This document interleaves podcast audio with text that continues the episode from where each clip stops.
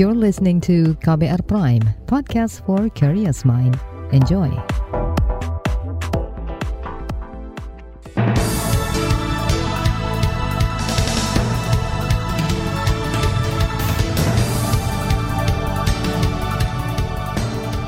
Selamat pagi saudara, senang sekali kami bisa menjumpai Anda kembali melalui program Buletin Pagi edisi Selasa 28 Juni 2022.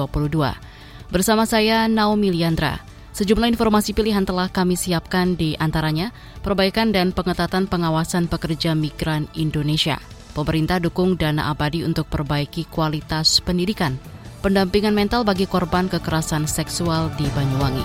Inilah Buletin Pagi selengkapnya terbaru di Buletin Pagi. Saudara, ratusan hingga ribuan pekerja migran tak berdokumen asal Indonesia kerap kali berusaha dikirimkan ke luar negeri selama beberapa waktu terakhir. Salah satu negara tujuan ialah Malaysia. Itu sebab berbagai upaya dilakukan pemerintah untuk mencegah pengiriman pekerja migran tak berdokumen. Di Kepulauan Riau misalnya, di sana Badan Perlindungan Pekerja Migran Indonesia BP2MI Kepri berupaya mengantisipasi lolosnya pekerja migran Indonesia PMI tak berdokumen. Upaya ini dilakukan di tengah besarnya permintaan pekerja ke Malaysia. Kasih Perlindungan dan Pemberdayaan BP2MI Kepri Darman M. Sagala mengatakan banyaknya permintaan lantaran saat pandemi sebagian besar pekerja kembali ke Indonesia. Darman khawatir jika pintu-pintu keluar masuk migran tidak diperketat, maka pekerja ilegal akan semakin banyak. Menanggapi hal itu, Menteri Ketenagakerjaan Ida Fauzia mengklaim telah memberi arahan kepada daerah untuk memperketat pengawasan serta memberi edukasi bagi pengawas di lapangan. Ia mengakui ada ketimpangan antara jumlah PMI dan jumlah pengawas di lapangan yang terbatas. Untuk itu ada beberapa upaya yang akan dilakukan, termasuk memberi pelatihan kepada petugas baru dan menambah kecakapan dalam mengawasi berkas-berkas administrasi terkait dengan penempatan dan perlindungan PMI, terdapat dua pihak yang harus ditangani, PMI sebagai korban apabila ditempatkan secara non-prosedural, dan pihak yang menempatkan, yang melakukan penempatan secara non-prosedural. Pemerintah pusat terus mendorong pemerintah provinsi untuk membentuk unit pelaksana teknis daerah pengawasan ketenagakerjaan dengan mempertimbangkan beban kerja pengawasan ketenagakerjaan. Menakar Ida Fauzia mengatakan pengawasan berlapis harus terus diperkuat dari pihak pemerintah pusat maupun daerah. Pengawasan itu meliputi pemberian izin, pengawasan langsung di lapangan, serta mendatangi tempat-tempat yang dicurigai sebagai tempat singgah sementara PMI tak berdokumen. Parlemen turut mengkritisi maraknya PMI tak berdokumen. Anggota Komisi Bidang Ketenagakerjaan DPR fraksi PDIP Rahmat Handoyo menyebut perlu sosialisasi masif untuk mencegah pengiriman pekerja ke luar negeri. Edukasi bagi pengawas serta peserta perlu diberikan agar bisa pencegahan maksimal perlunya ada edukasi dan sosialisasi yang masif bagaimana tata cara prosedur untuk masuk kerja di Malaysia, bagaimana ancamannya, bagaimana kesulitannya ketika terjadi masalah ketika tidak tercatat secara resmi terhadap kerja di Malaysia sehingga benar-benar kita harapkan agar siapa pun yang akan menjadi migran di Malaysia harus benar-benar tahu dan paham hak dan kewajibannya termasuk gaji dan yang lainnya. Itu tadi anggota Komisi Bidang Ketenagakerjaan fraksi PDIP Rahmat Handoyo. Sementara itu, anggota Komisi Bidang Ketenagakerjaan lain dari fraksi Nasdem, Irma Suryani Caniago juga mendorong pemerintah bekerja sama dengan aparat keamanan guna mencegah penyelundupan PMI. Menurut Irma, pengawasan di jalur tikus harus mendapat perhatian lebih.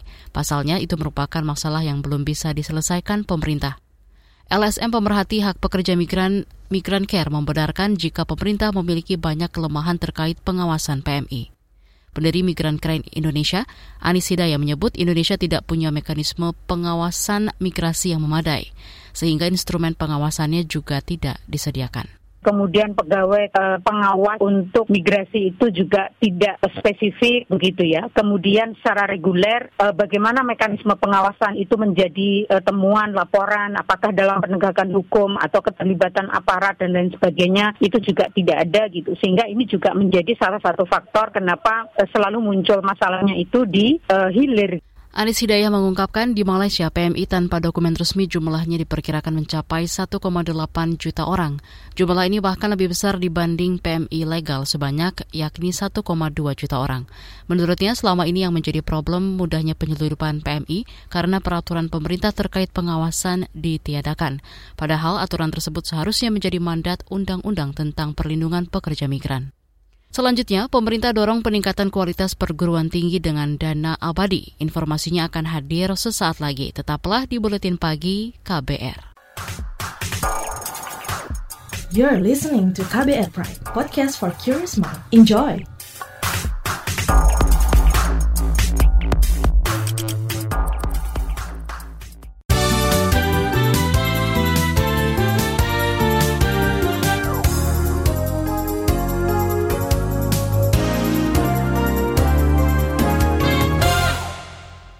Anda sedang mendengarkan buletin pagi KBR.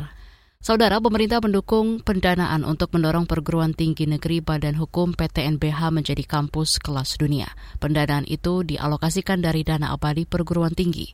Menteri Pendidikan, Kebudayaan, Riset, dan Teknologi Nadiem Makarim menegaskan investasi di pendidikan tinggi punya dampak terbesar dan tercepat di antara semua jenjang pendidikan. Mungkin kalau kita mau melihat jangka panjang investasi di pendidikan PAUD dan lain itu lebih besar. Tetapi kalau kita mau hasil yang lebih cepat, lebih dirasakan, pendidikan tinggi adalah cara tercepat untuk membangun ekonomi kita, untuk membangun negara kita. Sebelumnya, pemerintah telah menempatkan uang hampir 100 triliun rupiah dalam bentuk dana abadi pendidikan. Dana ini dikelola Lembaga Pengelola Dana Pendidikan LPDP di bawah Kementerian Keuangan. Hasil pengelolaan dana tersebut digunakan untuk beragam program, di antaranya beasiswa, peningkatan kompetensi, hingga pendanaan riset. Deputi 5 Kantor Staf Presiden KSP Jaleswari Pramodawardani mengklaim RUU DOB bakal menghilangkan kesenjangan dan ketertinggalan yang terjadi di Papua dan Papua Barat akibat letak geografis yang unik.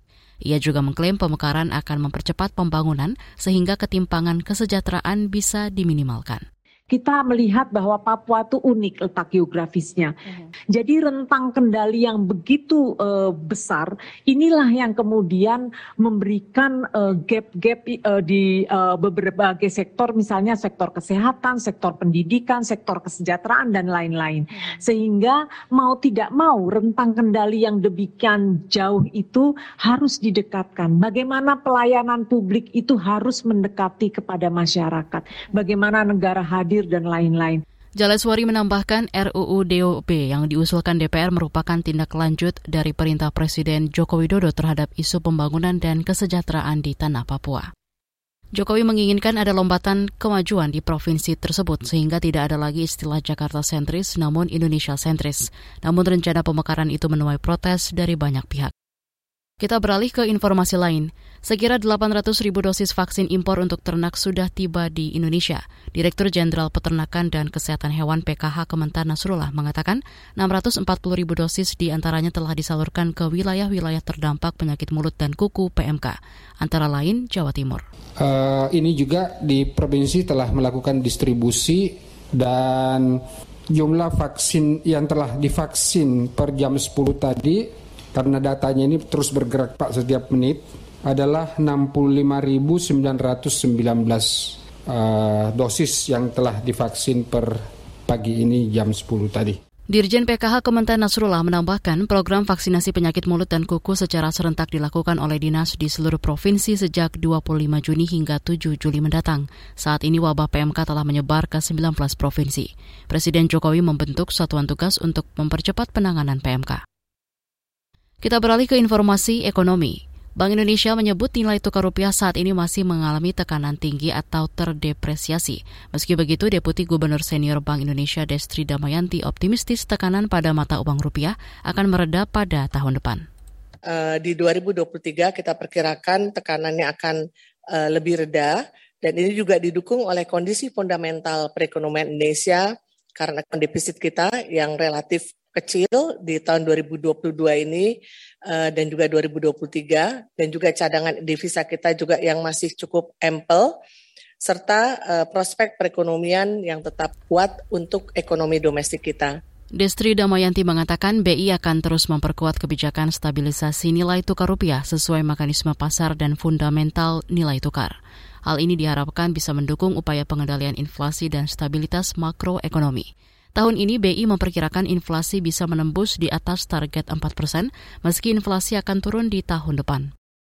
Kementerian BUMN bakal menyuntikkan dana triliunan rupiah kepada maskapai Garuda Indonesia. Menteri BUMN Erick Thohir mengatakan dana penyertaan modal negara atau PMN itu ditujukan untuk pemulihan perusahaan plat merah tersebut. Nah, untuk ke depannya terlalu cepat, ya bahwa nomor satu pemerintah hadir dulu sekarang. Pemerintah membuktikan bahwa ini flag carrier pemerintah dengan konsep penyelamatan sebagai payung hukum akan menyuntik tujuh setengah triliun. Itu dulu yang kita lakukan. Menteri BUMN Erick Thohir mengatakan sebelum dana dikucurkan, pemerintah bakal memetakan perbaikan yang perlu dilakukan pada Garuda Indonesia. Kata dia, ke depan operasional Garuda Indonesia bakal difokuskan pada pelayanan penerbangan domestik, sebab penerbangan internasional terdahulu merugi hingga 70 persen. Kita beralih ke berita mancanegara. Pemimpin negara G7 menyuarakan kekhawatiran mereka atas rencana Rusia mengirimkan rudal yang mampu membawa senjata nuklir ke Belarus.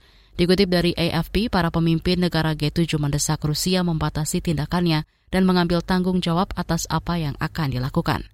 Kekhawatiran tersebut muncul setelah Presiden Rusia Vladimir Putin mengumumkan bakal mengirim rudal ke Iskander M Belarus pada Sabtu lalu.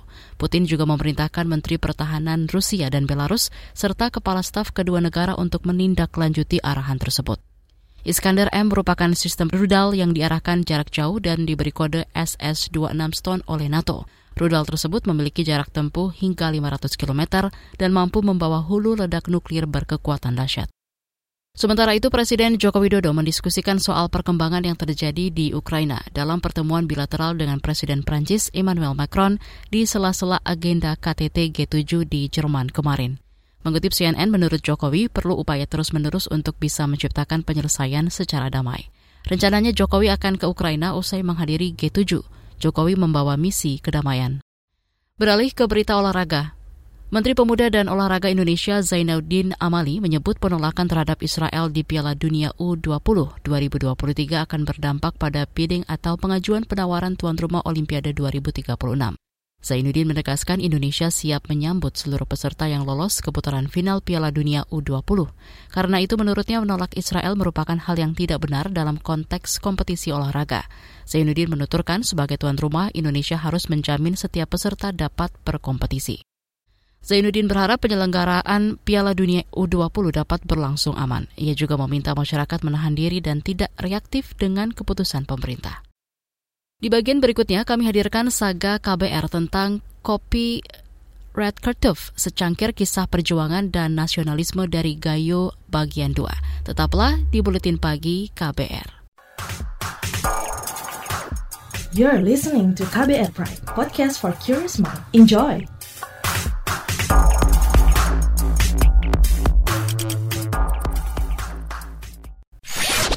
Commercial break.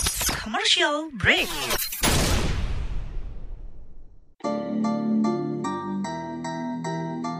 Come on yo.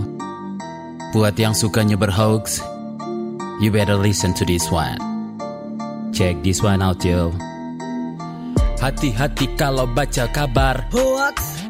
Jangan langsung disebar kabar yang hoax. Kalau mau tahu kabar benar atau hoax, dengerin cek fakta yang pasti bukan hoax. Dengerinnya setiap Senin yang jelas bukan hoax. Cuma ada di kbrprime.id dan aplikasi podcast lainnya. Hoax. Sudah cukup-cukup hoaxnya? Hoax. Cukup. Jaga emosi, tahan jari, verifikasi sebelum dibagi. Saya Ari Bowo Sasmito, Ketua Komite Pemeriksa Fakta Mafindo. KBR Prime, podcast for curious mind.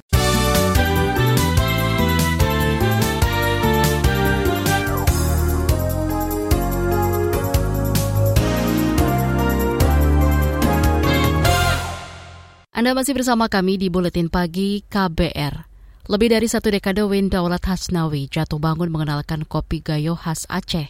Upaya ini dimulainya jauh sebelum kopi menjadi komoditas favorit. Kegigihan Win tak cuma dilatari motif ekonomi, tetapi ada denyut nasionalisme yang ingin terus dihidupkannya.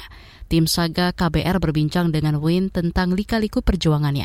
Berikut kisah bagian kedua. aja dikertup aja. Dikunyah. Nah, kertup itu bahasa bahasa Gayo. Artinya kopi yang dikunyah. Jadi jadi lu nggak memperhatikan. nggak tahu cita rasanya sih. Aroma mungkin bisa dicium gitu kan. Kan tahu cita rasanya gitu. Itu artinya kertup gitu. Win Daulat Hasnawi bercerita tentang betapa kayanya cita rasa kopi spesial Indonesia. Anak asli Gayo Aceh ini sudah 15 tahun lebih memperkenalkan kopi di tanah air.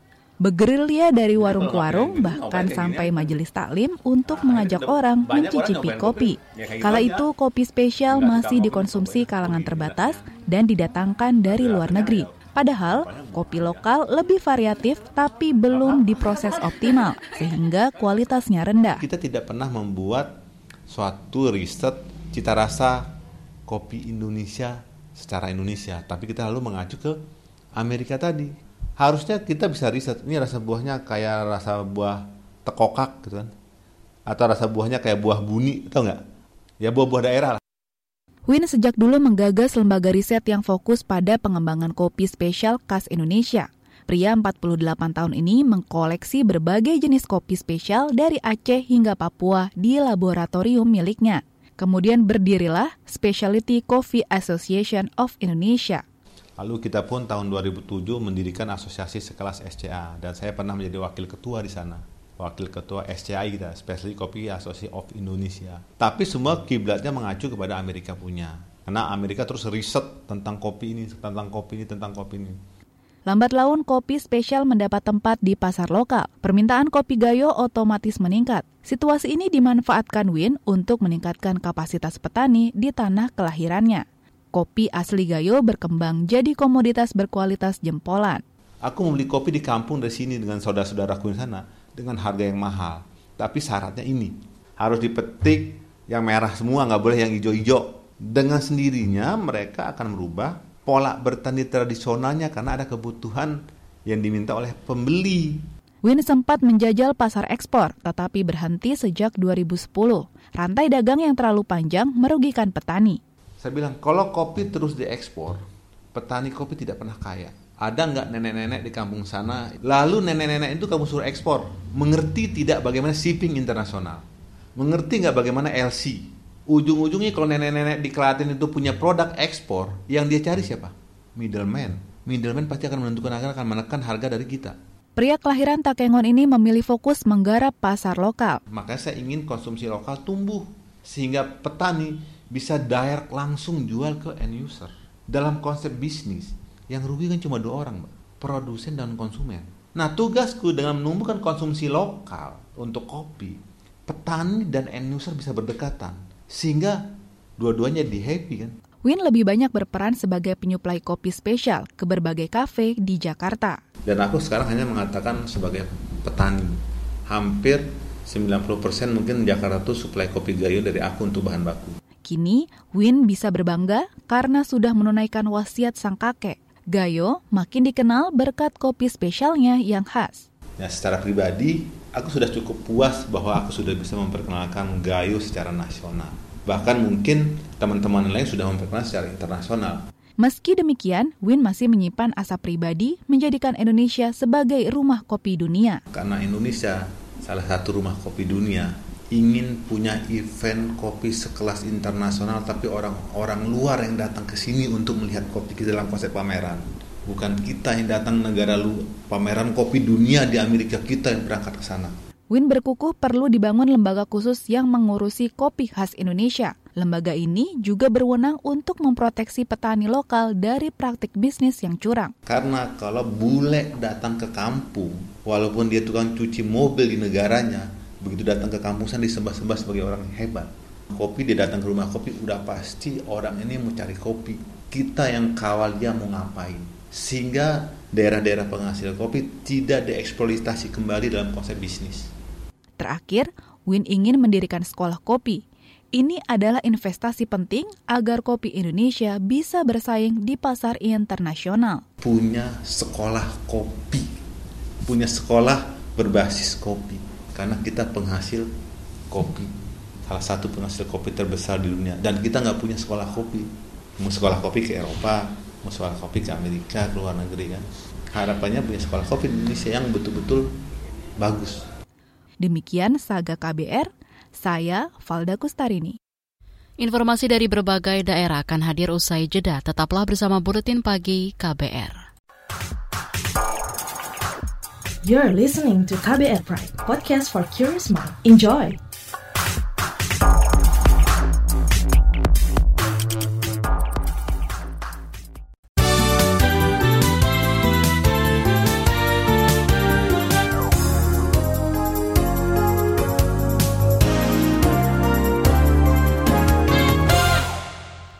Inilah bagian akhir buletin KBR. Kepolisian daerah Papua menyiagakan ribuan brimob dan anggota polisi menjelang pengesahan rancangan Undang-Undang Pembentukan Daerah Otonomi Baru DOB di Papua. DPR dan pemerintah berencana mengesahkan RUU DOB 3 provinsi di Papua pada 30 Juni 2022.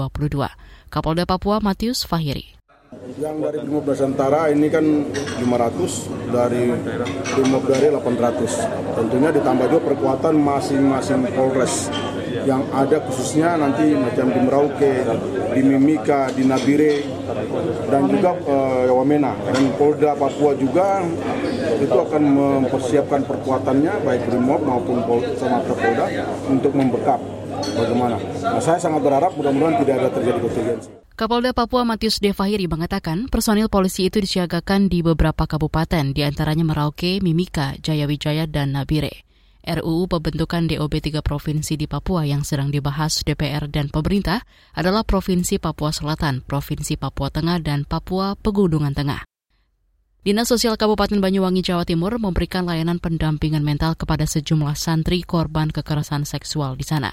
Kepala Dinas Sosial Banyuwangi, Henik Satrioni, mengatakan para korban juga akan dibawa ke psikiater untuk pemulihan trauma. Para korban semuanya masih di bawah umur kita langsung turun untuk pendampingan ke korban. Kalau untuk perkaranya kan di Polres. Nah, untuk anak-anaknya kita udah dampingi, kita lihat traumanya kayak apa, kita rujuk ke pesiko yang perlu pesiko dan untuk pengurusan sementara tahapan kepindahan sekolah. Jadi kita dampingi terus mas. Terus saya ini punya wacana, saya akan koordinasi dengan Kemenang untuk mengumpulkan semua pimpinan pondok. Kepala Dinas Sosial Banyuwangi, Henik Setiorini, Sebelumnya, sejumlah santri di pesantren Banyuwangi yang masih di bawah umur diduga menjadi korban pemerkosaan.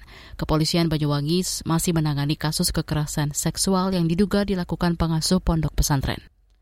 Kita ke Jawa Tengah. Hujan lebat memicu bencana tanah longsor di Kabupaten Cilacap minggu sore hingga Senin pagi hari ini. Satu orang dilaporkan terluka akibat tertimbun bencana tersebut. Kepala Seksi Kedaruratan dan Logistik Badan Penanggulangan Bencana Daerah BPBD Cilacap, Gato Arifidodo, mengatakan longsor terjadi di empat titik. Desa Tayem, Kecamatan Karangbucung. Dua, Dusun Cikondang, Desa Panibang, Timanggu. Tiga, Dusun Cipari, Desa Cipari, Kecamatan Cipari Kemudian baru saja masuk adalah Dusun Cibubuai, Desa Bantar Panjang, Kecamatan Cimanggu. Nah, yang ada korbannya ini yang kedua nih Dusun Cikondang RT 2 RW 1 ini Jawati 6, 67 tahun, luka ringan. Kepala Seksi Kedaruratan BPBD Cilacap Gatot Arif Widodo mengatakan kerugian akibat banjir dan longsor diperkirakan mencapai puluhan juta rupiah. Hujan lebat dalam dua hari terakhir juga menyebabkan sejumlah wilayah terendam banjir, termasuk merendam jalan nasional dan provinsi. Informasi tadi menutup jumpa kita di Buletin Pagi hari ini. Pantau juga informasi terbaru melalui kabar baru, situs kbr.id, Twitter kami di akun @beritaKBR, serta podcast di alamat kbrprime.id. Akhirnya saya Naomi bersama tim yang bertugas undur diri. Salam.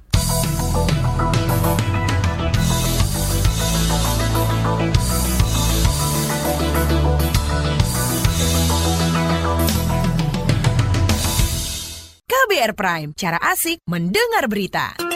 KBR Prime, podcast for curious mind.